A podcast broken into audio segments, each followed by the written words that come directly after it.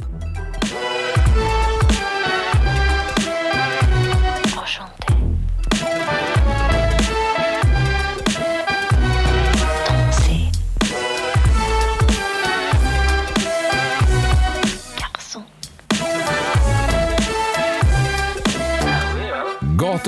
Gata Er podcast återvänder in i era lurar när juni närmar sig sin mittpunkt för att ge er ytterligare underhållning och insikter i det ämnet som är IFK Norrköping och allt som sker runt lagen och dess stad. Mitt namn är Vincent Messenger, med mig har jag Pontus Hammarkvist. Hur är läget Pontus? Läget är eh, bra. Eh, trött i kroppen. Trodde att jag var mycket piggare idag än vad jag var. Käkat lite nu och kom ju hem väldigt sent igår så att jag var mycket mer mörbultad i huvudet än vad jag, vad jag trodde när jag vaknade. Ja, jag känner Hur mår du också, själv? Jo, jag känner också att eh, tio timmars bilresa eh, fram och tillbaka eh, har satt sina spår tillsammans med resterande helg uppe i Umeå. Så att, eh, man, eh, man mådde sådär när man vaknade i morse. Ja, som sagt var att man inser mer hur eh, fotbollsspelare som åker så länge i buss, att man liksom kanske presterar lite sämre eller man kanske är lite trött i kropparna och det kanske inte riktigt lirar alla gånger när man åker de här astråkiga bortamatcherna. Men eh, damerna visade ju prov på något helt annat i alla fall, så det var skönt. Men eh, jävla rolig resa upp i alla fall. Ja, verkligen. Eh, Det var superkul eh, och mycket trevlig stad att besöka Umeå och alltid kul att åka norröver tycker jag. Ja, vi hade ju aldrig varit där, varken du eller jag heller tidigare och tycker nog att ja, finns nog en hel del mer att ta reda på än vad vi gjorde kanske när vi var i Umeå. Men jag, eh, jag gillade Umeå starkt över de två dagarna vi var där. och eh, Bra hotell och bra mat ute och bra liksom, restauranger och krogar och fint med älven som rann igenom där. Eh, fan, så att, nej, jag, jag uppskattar den fan otroligt mycket. Jag tror nog fan att du gjorde det också. Ja, nej, det var super, supertrevligt och en eh, jävla kanonhelg som ju såklart eh, rundades av med att IFKs damer verkligen inte visade prov på några trötta ben direkt och eh, tog en 5-0 Victoria, vilket var eh, snyggt förutspått av dig. Ja men verkligen. Alltså det, äh, man har ju bra känsla va, när det gäller eh, antal mål i damserien. Man vet ju att de kommer ösa på och 5-0 kändes rimligt. Och det Ja. var det också. Ja, nej, men sannerligen. De var, Det kunde slutat 8-0 också ska vi säga. ja, nej, de, var, de var riktigt bra och bara det gjorde väl resan upp och ner värt det får man väl säga. Ja verkligen. verkligen. Gud ja. Vi ska snacka mycket om den matchen eftersom det har inte spelats eh, någon fotboll i herrallsvenskan sedan sen vårt senaste avsnitt och det är uppehåll eh, och för att vi faktiskt tog oss tiden att ta trippen upp. Så att vi ska bryta ner den här matchen ordentligt eh, och så ska vi utse tre stjärnor och lite sånt där. Sen även ge oss in i sillispåret för det är ju sådana tider just nu så där blir det väl kanske lite mer inriktat mot herrarna då. Ehm, och det är väl ungefär avsnittet. Ja, men och det låter väl som ett, eh, men som ett roligt avsnitt tycker jag i alla fall. Det ska bli bra och kul att snacka om. Men sen får vi väl se vad ni tycker. Men det finns ju i alla fall en hel del nuggets att prata om när det gäller eh, IFK Norrköping på båda våra representantslag så att säga. Ja, nej men det, så är det verkligen. Och eh, innan vi dyker in i den här podden med full fart så ska vi ju pusha för lokal catering som ligger nere på Stockholmsvägen.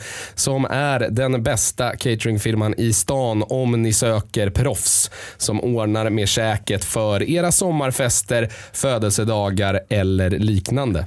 Verkligen. Nej, men, eh, stort tack till Lokal att ni gör den här podden möjlig och hör av er till dem. Som vi har sagt i många andra avsnitt också så är det ju bäst att anlita de bästa företagen man kan nå på cateringfirman. För att jag menar, varken du eller jag eller någon annan kan ju tänka mig som lyssnar på det här gör ju bättre mat än vad grabbarna nere på Lokal gör. Så att, Nej, så är det sannerligen och det kanske är dags att man, eh, man tittar sig i spegeln och eh, har lite ödmjukhet helt enkelt och anlitar proffs. Eh, Och de proffsen ska heta Lokal Catering. Stort tack till Lokal. tack Lokal. Om vi då glider in i matchen mellan Team Thorengruppen och IFK Norrköping som slutade 0-5 så tänker jag att vi kan börja lite med eh, kvällen innan där vi ju hade en Instagram live där jag eh, tippade 2-0 till Peking. Du tippade 5-0. Eh, vi var rörande överens om att Team, team Thorengruppen skulle åka på däng i vilket Ja, fall och det gjorde de ju verkligen. Ja men verkligen. Och, det är väl skönt ändå. Man ska inte ljuga över att det, det är lite, lite härligt att få sätta resultatet och framförallt att för en gångs skull, du har gjort det ett par gånger nu när det har gällt eh, IFKs herrmatcher och, åt andra hållet och det är, det är skönt att få sätta dit dig lite grann där också. Så att jag, jag mår lite bättre sett, sett över det. Ja, men det är Det fint. kan, jag- det kan jag inte ljuga om. Jag kan, jag kan unna dig det. Det är helt Tack. okej.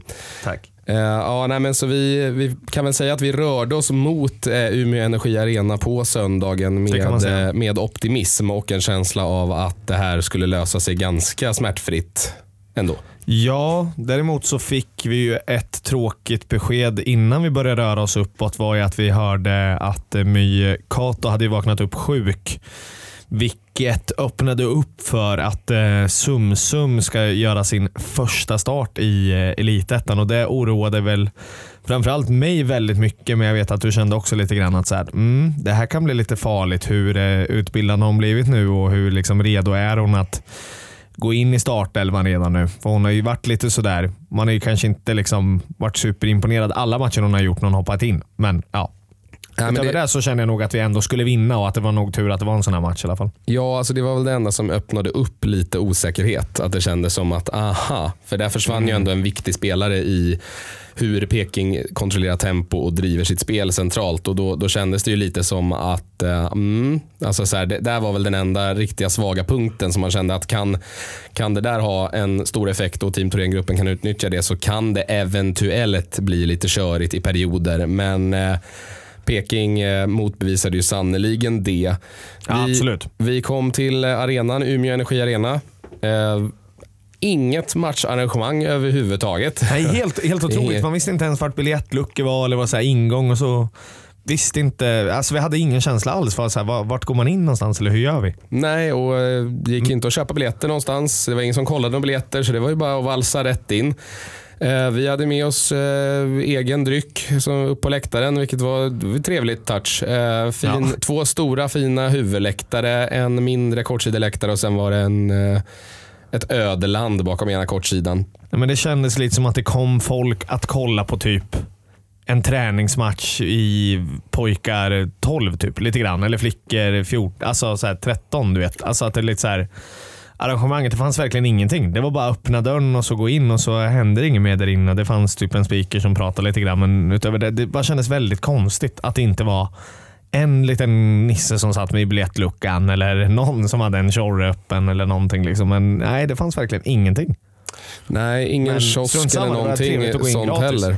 Ingen kiosk eller någonting sånt heller och det var väldigt oklart överallt. Man hittade toaletter och hit och dit. Nu fann vi i och för sig toaletter efter ett tag, men det var, nej, det var det var helt enkelt en fotbollsmatch som spelade och någon hade öppnat dörren. Det var väl ungefär så det kändes. Ja, men exakt, ja verkligen. Nej, det kändes väldigt, väldigt annorlunda. Men eh, som sagt, det var väl härligt att slippa betala en biljett och bara gå in gratis också. Så att det var väl inte i hela världen, men det var, det var lite märkligt arrangerat där uppe kan man säga. Det märks ju tydligt att det är ju inte, Umeå bryr sig inte om Team TG och Team TG har ju liksom inte jättemycket fans och supportrar om man säger så. Nej, det var närmast sörjande. Så mycket kan man väl beskriva den Absolut. närvarande publiken som. Eh, till matchen då. Den eh, inleddes ju i rasande fart från IFKs håll. Eh, Ebba Handfast kommer uppvalsandes längs sin vänstersida. Vilken slår passning. in en riktig drömpassning och vi står ju precis där, ja, där därifrån hon slår bollen ungefär. Så vi ser ju den perfekta i bana. Hur den böjer sig in i straffområdet och en Mimmi Asperoth som får det att se alldeles för enkelt ut när hon bara flickar dit den med sin yttersida och så är det 1-0 efter en och en halv minut. Ja, nej, men alltså man kan inte ta ifrån Mimmi Asperoth avslutet och målet och allt vad det innebär heller, men just den där passningen som du är inne på direkt också. Jag vet hur mycket du uppskattar att se Ebba handfast spela fotboll och det gör jag också, men satan vad den förtjänar så otroligt mycket cred. Alltså, men just hela, hela liksom de passningen och målet, men ja, nej, jag, stort jävla cred till Ebba här i början. Alltså. Ja, nej, verkligen. Riktig, riktigt grym passning och även det där avslutet är inte lätt, men det ser superenkelt ut. Ja, Eh, och kom redan i första spelminuten också. Ja, nej, men och bara vinklar in den med yttersidan och så, som att hon aldrig har gjort något annat ungefär. Och så var det 1-0. Eh, riktig drömstart. Sen eh, fylls ju det på när Sabina Ravenell bestämmer sig för att göra drömmål och driver in i banan och slänger upp 2-0 upp i krysset. Ja, alltså hon får ju bete sig som eh, vilken världsspelare som helst. Och, må, eh, jag vet inte vem det är som backar, men mittfältare som sjunker med efter och en mittback som bara liksom backar hemåt för att de eh, inser att det, här går inte att göra någonting med. Eh, det går inte att ta bollen från henne, vilket vi har pratat om också. Det är så extremt tydligt. Men då väljer hon när det är helt trängt i straffområdet och slår till ett avslut på ja, första stolpen blir det väl till och med. Ja, exakt. Om jag inte missminner mig. Men eh, väldigt nära målvakten, men det är så pass hårt så hon inte ens dit. Nej, rätt Otroligt. Upp, rätt upp i krysset och uh, välförtjänt. Och det var ju ett uh, Team TG som aldrig riktigt... De har ett läge där, där de kan, kanske borde göra ett mål, men utöver det så händer det ju inte så mycket från dem, utan det är ju mer att de rensar bort bollen och Peking plockar upp och börjar om. Det var ju verkligen eh, ett IFK Norrköping som ja, sparkade på någon som ligger ner ungefär. Det var Ja. så det kändes i den första halvleken. Och... Eh, Det fylls ju sen på eh, efter ett eh, horribelt eh, målvaktsmisstag. Eh, Målvakten hoppar ut och ska plocka en enkel boll som kommer in i box.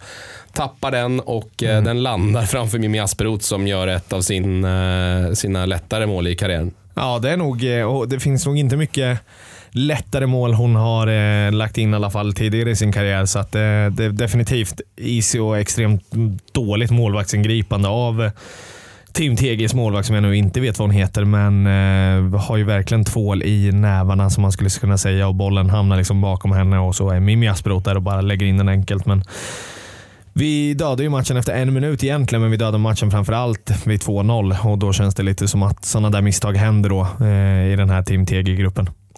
Ja, alltså det, det ehm, är ju, jag tänkte på det när jag såg det målet. Att sådana där mål kan jag, göra att jag verkligen kan förstå så här, försvarsspelare när de stör sig på eh, anfallsspelare och målskyttar i sina lag som Ja. är kaxiga över hur många mål de gör. När det är så här, när man får sådana där grejer gratis. Ja, bara, bara för att man rent positionellt så bara ska stå där. Så dimper det ner manna från himlen att bara Det- rulla ner. Där alla kan göra mål. Alltså om du har, Ja, en, om du har en fot så gör du mål. Ja men verkligen. Och det är så här, ja, hon står ju på rätt plats men det var ju verkligen en, en bokstavlig skänk från ovan och eh, innebar 3-0. Men eh, Mimmi Asperoth var ju inte klar där utan eh, hon lyckas ju få in en 4-0 eh, på en ganska lustig situation men en boll som studsar upp i straffområdet. Hon eh, får till någon slags karatespark eh, med yttersidan av eh, högerdojan. Och den bollen går ju knappt med styrfart, eh, men den går ner i hörnet och jag förstår inte riktigt hur keepern inte hinner dit. Eh, eller hon hinner dit, men hon lyckas inte få händerna på bollen, eller jag vet inte riktigt vad hon gör. Men den går in i alla fall.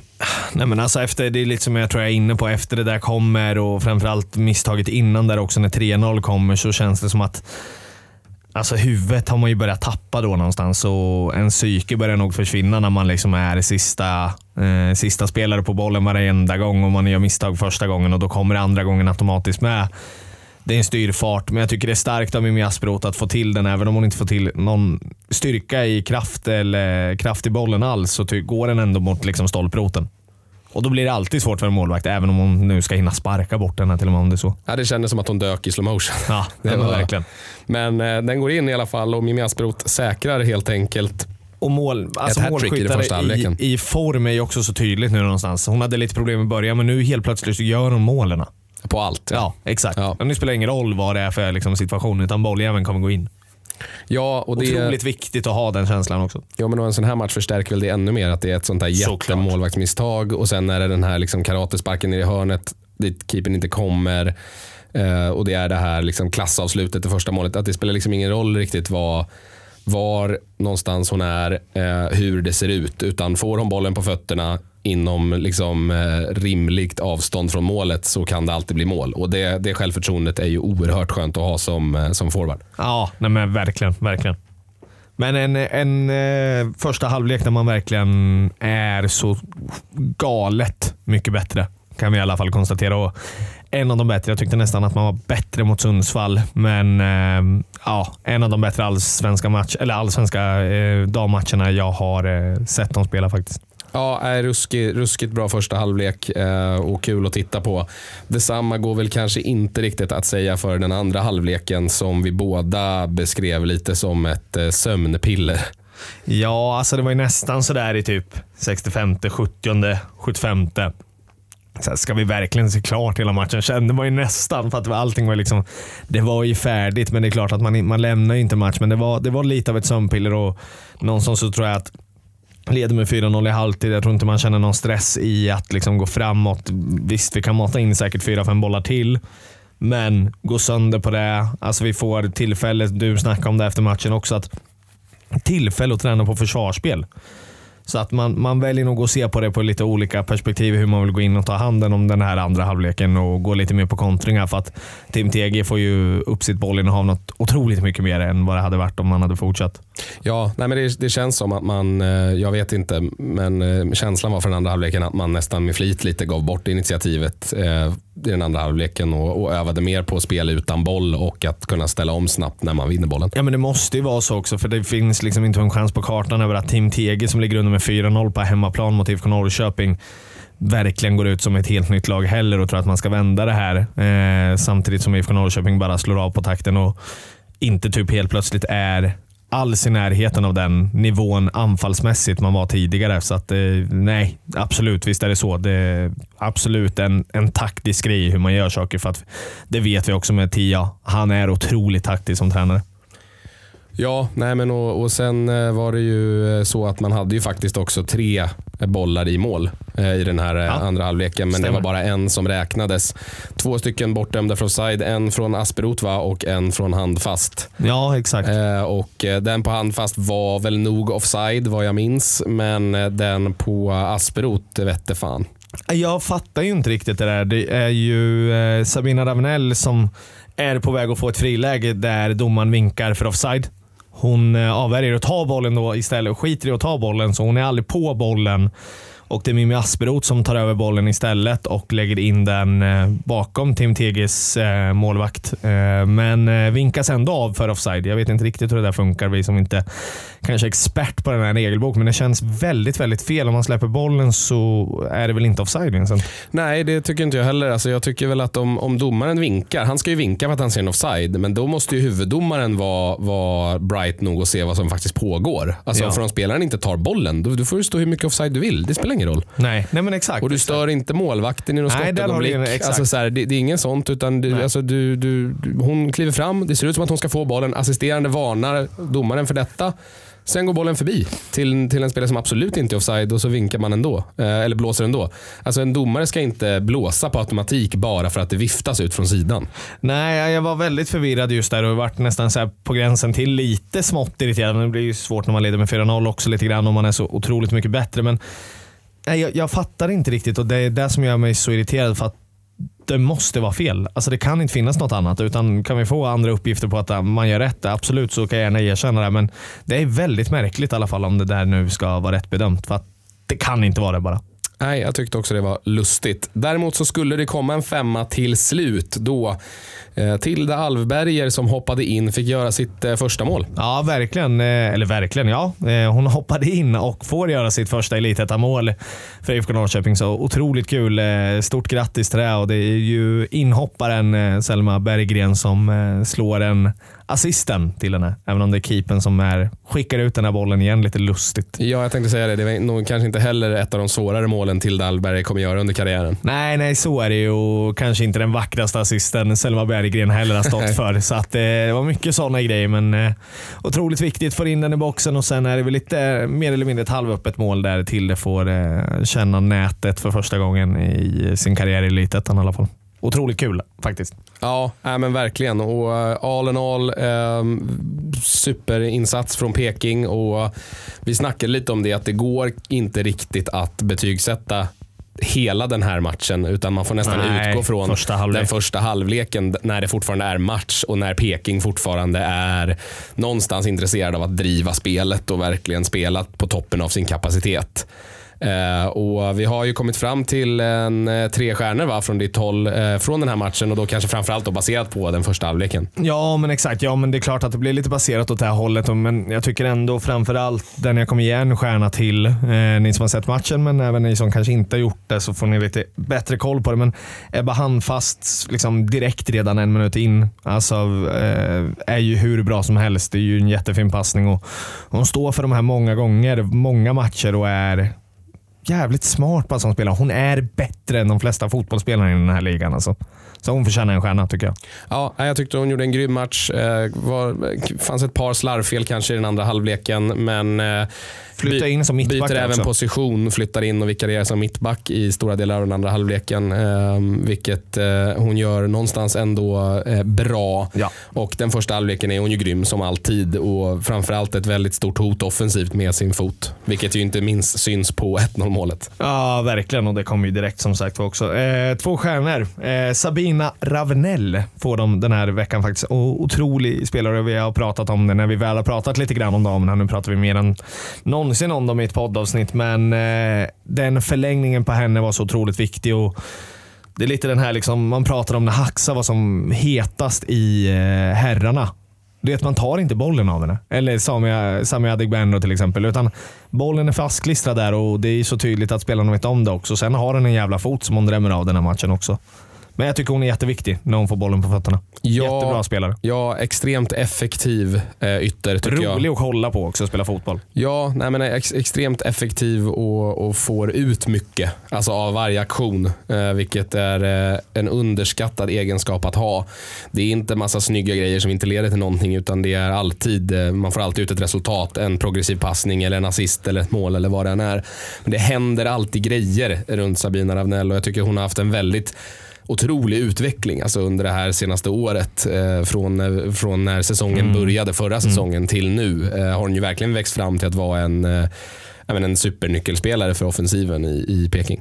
Ja, hon hade väl lite skadebekymmer förra året, men jag kommer ihåg också att vi båda pratade om henne och var lite så här, mm, jäklar, är hon verkligen så bra? Eller du vet, man har inte riktigt sett det där och så blommade hon inte ut och hade några matcher där hon inte kanske var så jäkla bra. Sen bara har det, har det bara smält och smält och smält och smält och så har man varit så här, jävlar vad man har fått ta tillbaka det där man ens tvivlade en sekund om. Så har hon ju bara vänt på den steken. Så hon, eh, Sabina Ravenell, får två stjärnor. Tre stjärnor ganska uppenbart. De som har sett matchen kommer säga samma och jag tror inte att resterande blir så jätteförvånade efter man gör ett hattrick va? Nej, det får man väl eh, ändå tillstå att gör man tre kassar på en, halvlek då, eh, då får man tre stjärnor. Ja, det ska jävligt mycket till alltså, om det inte skulle bli Mimmi Asperoth. Alltså, det, det kan vi komma överens om. Nej, men otroligt hittat målformen, kommit tillbaka, börjar nu liksom utmana Lovisa Gustafsson och Sabina Ravnell i interna skytteligan eh, och kommer nog kunna vinna den där till slut också. Skitsamma, men otroligt viktig spelare och gör mål på ta mig fan allting och då ska man ha tre stjärnor. Ja, nej absolut. Eh, Och hon, Självförtroendet glöder i ögonen på uh, Mimmi Asperoth just nu. Ja, nej, hon, är, hon är stekhet. Eh, någon annan som ju också var, varit stekhet som fick sin svit bruten i den här matchen var ju Lovisa Gustafsson som Asperot Asperoth nu skuggar i den interna skytteligan. Lovisa står på åtta, Asperoth står på sju. Eh, Sabina Ravnell parkerar därmed på en sjätte plats, eller på en tredje plats med sex eh, mål. Och eh, Lovisa såg väl så här halvnöjd ut över att bli utbytt så där eh, i den 65 minuten någonting. Ja, 69 var det till och med. Så att eh, du är nära och nosar där. Men ja, absolut. Hon såg inte jätteglad ut vid utbytet och det kan man ju förstå för att det kändes ju lite som vi pratade om att hon, det var, var ju hennes mål som var nästa mål. Eh, 100% och hon hade gjort den till om hon hade fått spela 90 minuter. Just att det där med att det gör hon i slutet av matcherna mot sådana här lag och mot de flesta lagen i den här serien också för att hon är starkare och orkar lite mer än de flesta backarna när de har liksom blivit uttröttade. Så att, eh, Därav tror jag att hon varit irriterad. Men man väljer ju såklart att byta ut henne på grund av den anledningen att Tia vill ju verkligen inte se sin stjärnspelare och nog den viktigaste spelaren, även om Mimmi Asperoth och vissa är heta just nu med Ebba Handfast och de andra också, så är ju Lovisa den viktigaste på planen ändå skulle jag säga. Ja, nej, hon är, hon är sannoliken en nyckelspelare och nu är Asperoth igång. Ravnelli het. Alltså den där offensiven känns eh, ostoppbar för tillfället. Eh, men det ska också sägas, även om Team Thorengruppen kanske inte stod för något jättehot, att Proppis fortsätter ju hålla nollan i kassen. Det är ytterligare en hållen nolla för Peking och det är 397 minuter nu sedan man senast släppte in ett mål. Ja, det förtjänar man ju ändå en guldstjärna i kanten lite grann med tanke på att hon ändå inte får en, två eller tre stjärnor. Men hon har ju inte, alltså hon är i världens hjälp av eh, backlinjen den här matchen mer än kanske ett par gånger. Så hon visar att hon är otroligt bra i alla fall när det väl krävs ingripande. För det var väl det vi hyllade henne för lite förra gången. När hon ändå åker på de här, står liksom och blir trött i benen. Eller, alltså, det händer ingenting. Liksom och så här, helt plötsligt så får hon lägen emot sig och även de står hon pall för. Verkligen mot Sundsvall och även ett par gånger den här matchen också. Så att, eh, det är ändå cred. Det ska man verkligen ge henne. Äh, men verkligen. Damerna är sannoliken stekheta just nu och eh, med det så ska vi väl uppmana alla att haka på Peking-fans till Mölndal nu i helgen då damerna möter Jitex borta och hoppas på ett ordentligt bortafölje likt man hade i Kalmar förra säsongen.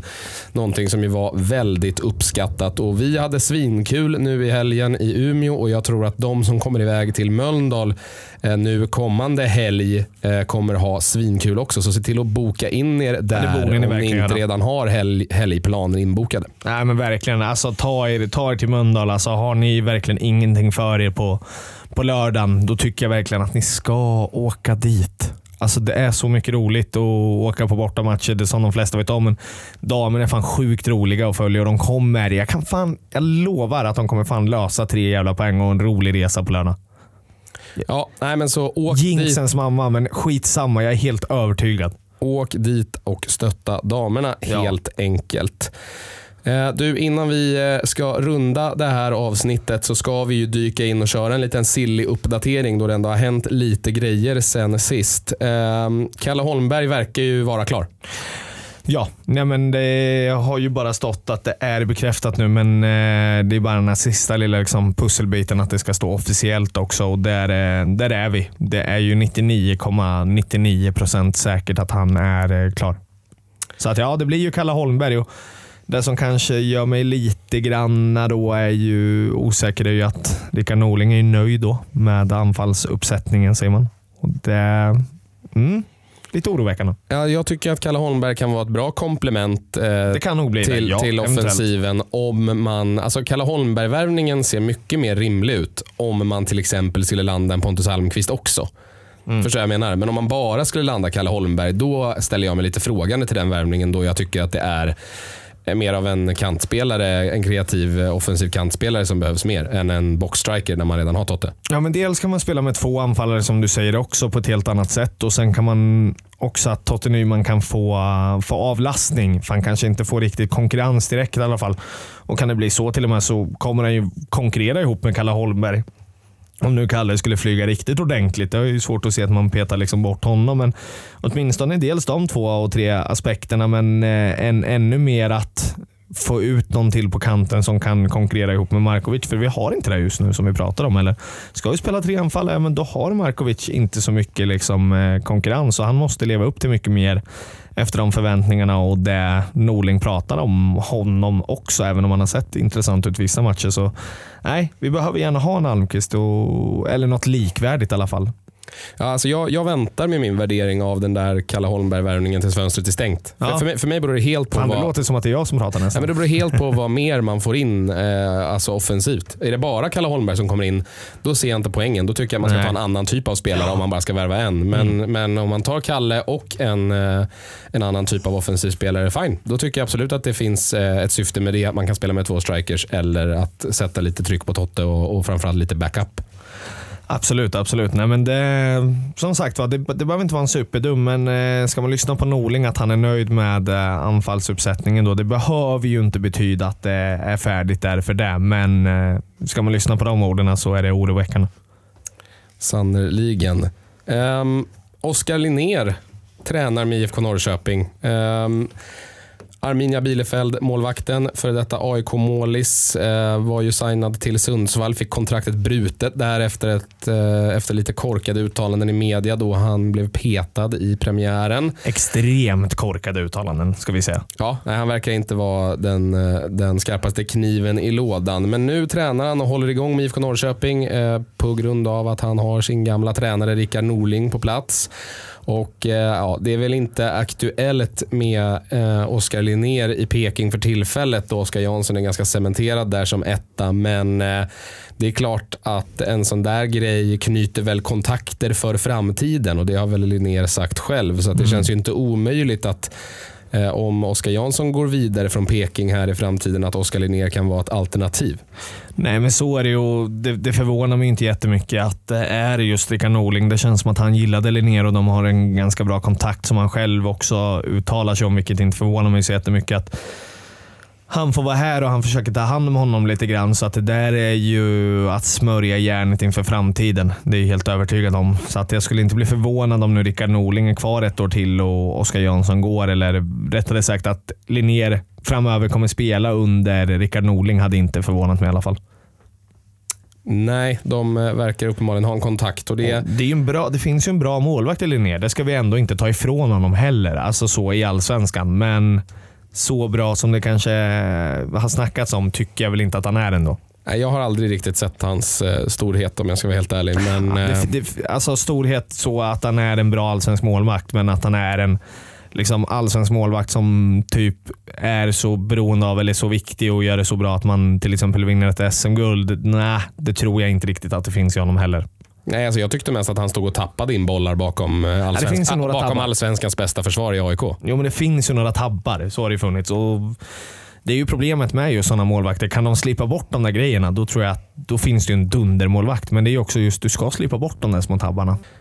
En annan gubbe som eh, kan vara intressant, kanske mer så här direkt, det är ju eh, Isak Sevankambo som eh, spelat i Sirius här under våren på ett korttidskontrakt och som är tillgänglig att förhandla med andra klubbar nu redan i sommar. Han, eh, vi tog upp honom, eller jag tog upp honom tidigt eh, redan när förra säsongen var slut som ett alternativ och en spelare jag tycker skulle passa bra i Peking då han från början är ytterback, har spelat central mittfältare med bravur i Östersund. Var väl en av de eh, enda spelarna med riktig kvalitet som höll till där under förra säsongen. Och Nu har han dessutom tagit klivet ner i banan och spelat mittback i Sirius och gjort det kanonbra. Så han är ju en mångsidig, bolltrygg spelare och det eh, hatar man ju inte i IFK Norrköping. Absolut inte och det hatar man inte som att få in en sån supporter heller till det här laget. Men eh, ja, alltså att Isan Isak Semankambo kan, eh, kan komma till IFK Norrköping hade jag inte sett som en dum idé. Nu verkar det väl som att Dagerstål kan bli kvar i alla fall. Eh, med Fifas nya liksom, eh, regler med att frysa kontrakt i Ryssland. Eh, och Då ska han kunna vara kvar till sommaren 2023, så det hade ju sett fint ut. Men att ändå få in typ eh, Sevankambo hade ju varit bra med tanke på att han kan spela på olika positioner och att han har gjort det väldigt bra. Dels i ett dåligt Östersund och ett Sirius som jag tycker också är dåliga i år. Alltså som verkligen har fått ut för mycket, som du har pratat om Mjällby. Ehm, så kan man få in en sån lirare i laget så hade ju jag inte varit eh, alls besviken. Det kan vi komma överens om. Alltså, nej, det, det, känns ju som en spelare som skulle kunna komma in och göra nytta oavsett lite vad som annars händer i fönstret. Alltså, oavsett vilka spelare som försvinner eller vad som kommer in så känns ju han som en sån spelartyp som alltid kommer vara nyttig. Oavsett hur, här, hur den här truppen är, alltså ser ut i höst. Det är ju det som är så skönt. för att det är här, nu kanske det inte blir något alls med honom då för att Dagerstål blir kvar. Alltså, han kan ju spela på olika positioner också. Han eh, kan ju spela ytterback och han kan ju spela mittfältet också. Gjort det bra som sagt var tidigare. Så att, eh, man älskar ju sådana gubbar när vi har bara pratat vet, så här, ja, Lars Krogh är ju given i truppen. Men vart bara ska han spela? Han kommer spela men så här, vilken position? Vi får väl se. Blir han målvakt eller ytterback eller anfallare? Men alltså skämt åsido, men just det där med att kunna kombinera på en, två, alltså utöver en, alltså två eller tre positioner är ju så otroligt viktigt tycker jag någonstans. Och att ha en sån gubbe. Ja, nej men det, det känns som att, eh, som att att eh, han hade fått sin speltid eh,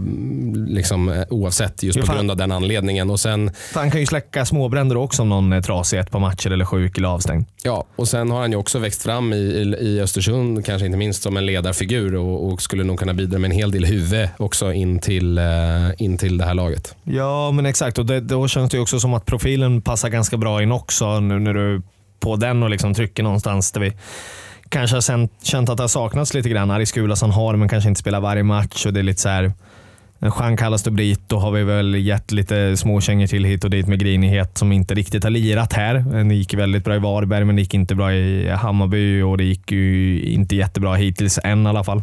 Så att nej, men Sevan Kambo-gubbe hade väl låtit bra hur den blir med ryska frysta kontrakt och hit och dit.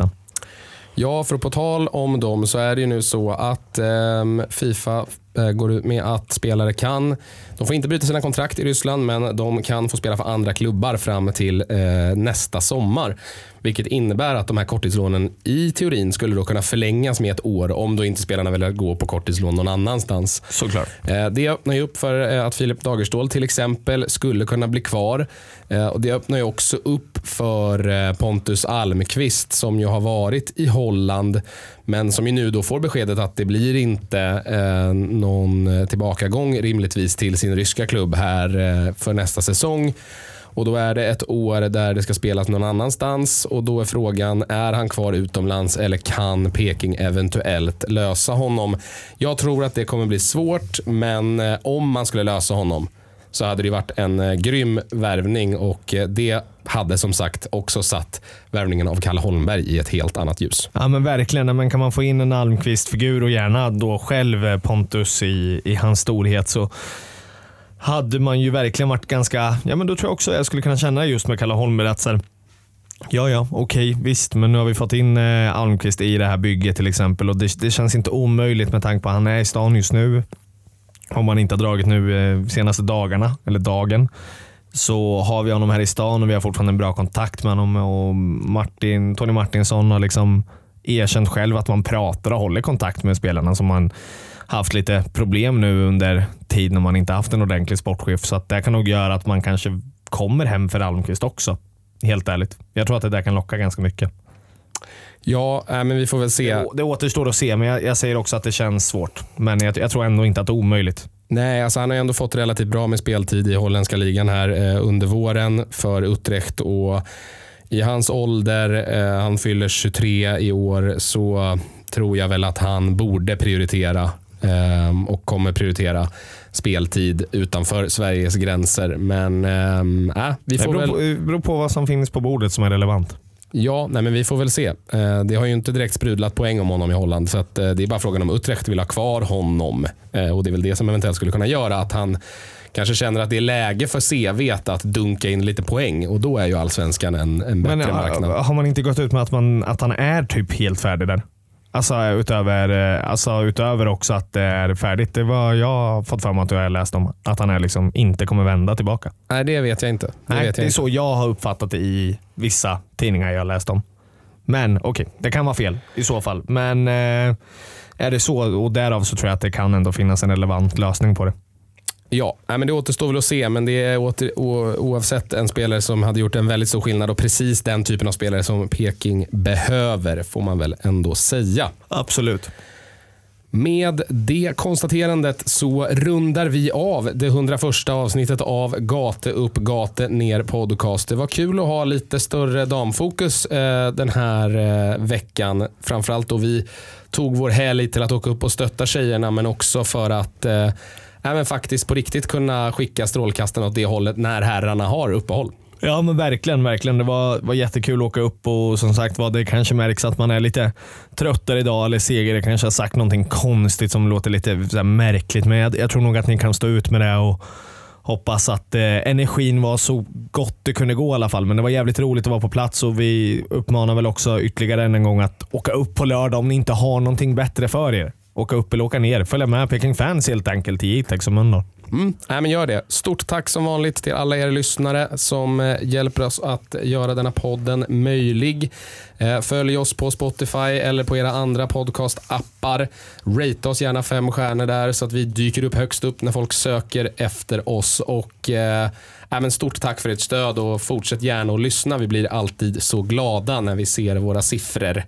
Eh, även stort tack till Lokal Catering som är vår supersponsor och som tillsammans med er lyssnare gör denna podd möjlig. Så stort tack till er alla och så hoppas vi att vi hörs av inom kort. Nästa vecka är väl planen att det blir podd i alla fall. Nästa vecka blir det podd, det kan vi garantera. Om det inte dyker upp något annat på vägen så kanske det kommer ännu tidigare. Men vi får helt enkelt se så hörs vi av.